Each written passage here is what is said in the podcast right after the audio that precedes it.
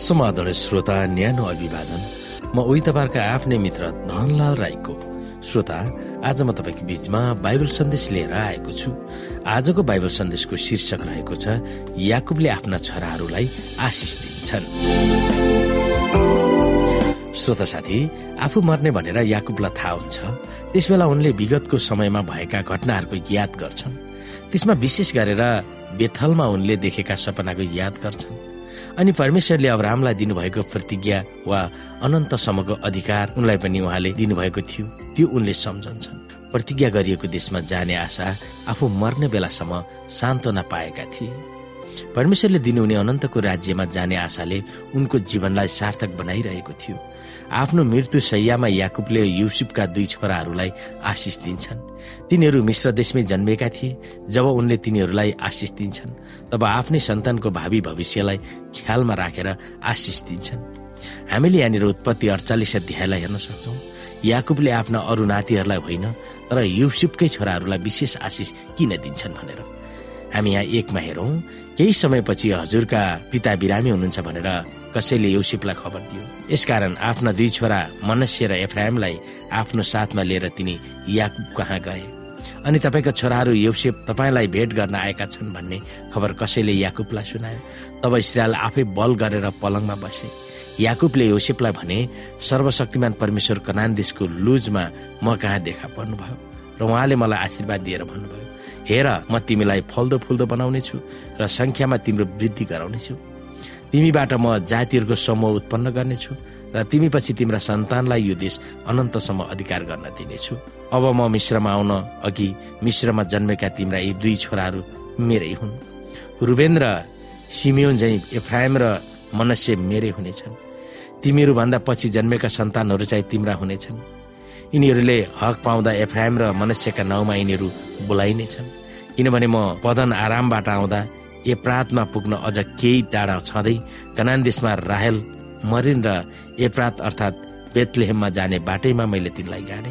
योसेफका छोराहरूलाई देखेर इसरायलले भने यिनीहरू को हुन्? योसेफले आफ्नो बाबुलाई भने परमेश्वरले मलाई यहाँ दिनुभएका यी मेरा छोराहरू हुन्। तब इसरायलले भने तिनीहरूलाई म कहाँ ल्याऊ? म तिनीहरूलाई आशीर्वाद दिनेछु। त्यस बेला उमेरले गर्दा इसरायलका आँखा धमिला भइसकेका थिए र तिनी राम्ररी देख्न सक्दैनथे यसकारण यौसेफले तिनीहरूलाई तिनको नजिक लगिदिए अनि तिनले तिनीहरूलाई मुहाई खाएर अङ्गालो हाले। इसरायलले यौसेफलाई भने मैले त तिम्रो मुख देख्न पाउला भनी ठानेकी थिइनँ।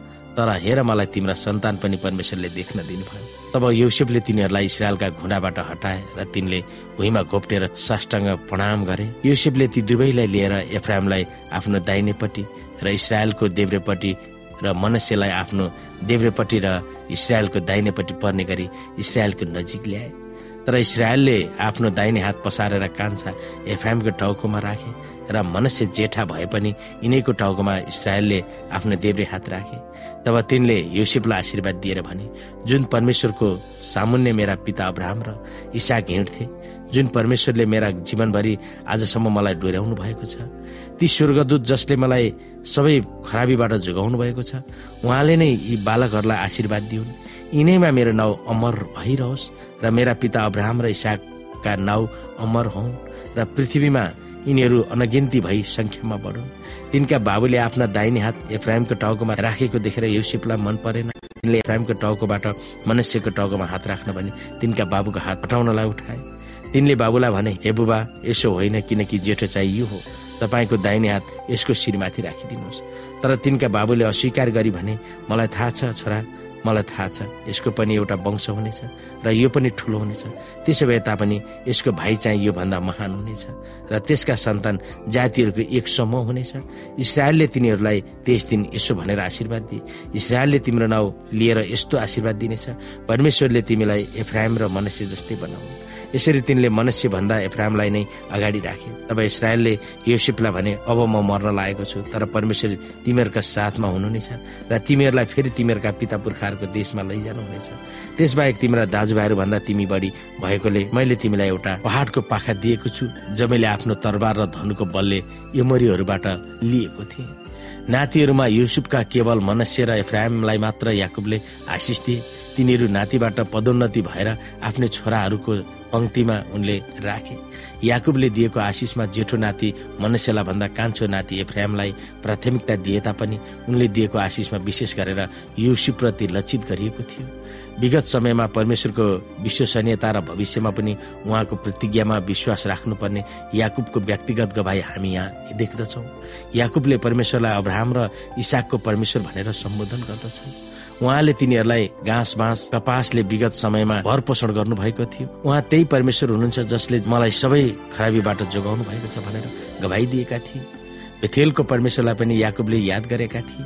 साथै स्वर्गदूतसँग उनको मल्ल युद्ध अर्थात् कुस्ता कुस्ती गरेको पनि उनको दिमागमा आएको थियो। त्यसै बेला उनको नाउँ याकुबबाट इसरायल भएको थियो। ती सबै अनुभवहरूको लेखाजोखा उनले गरेको एउटा कारण थियो। परमेश्वरका जनहरूलाई लक्षित गरेको खराब कुरालाई उहाँले असलमा परिणत गर्नुहुन्छ भन्ने उनको गवाई थियो। त्यसै परिप्रेक्ष्यमा परमेश्वरले उनका नातिहरूको वर्तमान जीवन मात्रै होइन उहाँले तिनीहरूको भविष्यलाई पनि सम्हाल्नु हुनेछ भन्ने उनको आशा थियो। जसरी उहाँले उनलाई याकुबलाई सम्हाल्नुभयो त्यति मात्र होइन जब उनका सन्तानहरू भविष्यमा कनान देशमा फर्कन्छ। त्यस बेला पनि परमेश्वरले तिनीहरूलाई सम्हाल्नु हुनेछ भन्ने उनको विश्वास थियो। जब उनले सेकम पहाडमा भएको आफूले पाएको जमिनलाई उल्लेख गरे तब उनको आशा स्पष्ट भएको उनले देखाएका थिए। त्यो ठाउँ उनले आफ्नो निम्ति मात्र उपलब्ध गराएका थिएन तर युसुफका हड्डीहरू पनि गाडिनको निम्ति थियो। यही जमिन इसरायलका वंशहरूलाई बाँडिने भएको थियो। याकुबको जमिनमा जे जे भयो त्यस बेला उनले परमेश्वरका प्रतिज्ञाहरूलाई बिर्सेका थिएनन्। अब्राहमलाई उनले दिनुभएको प्रतिज्ञा तिमीद्वारा पृथ्वीका सारा परिवारहरूले आशिष पाउनेछन्। याकुबका सन्तानहरूले साकार बनाउनेछन् भन्ने उनको विश्वास थियो।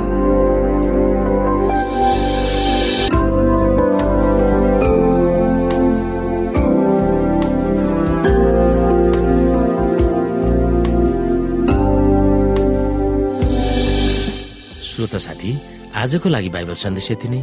हस्त नमस्ते जय मसिंह।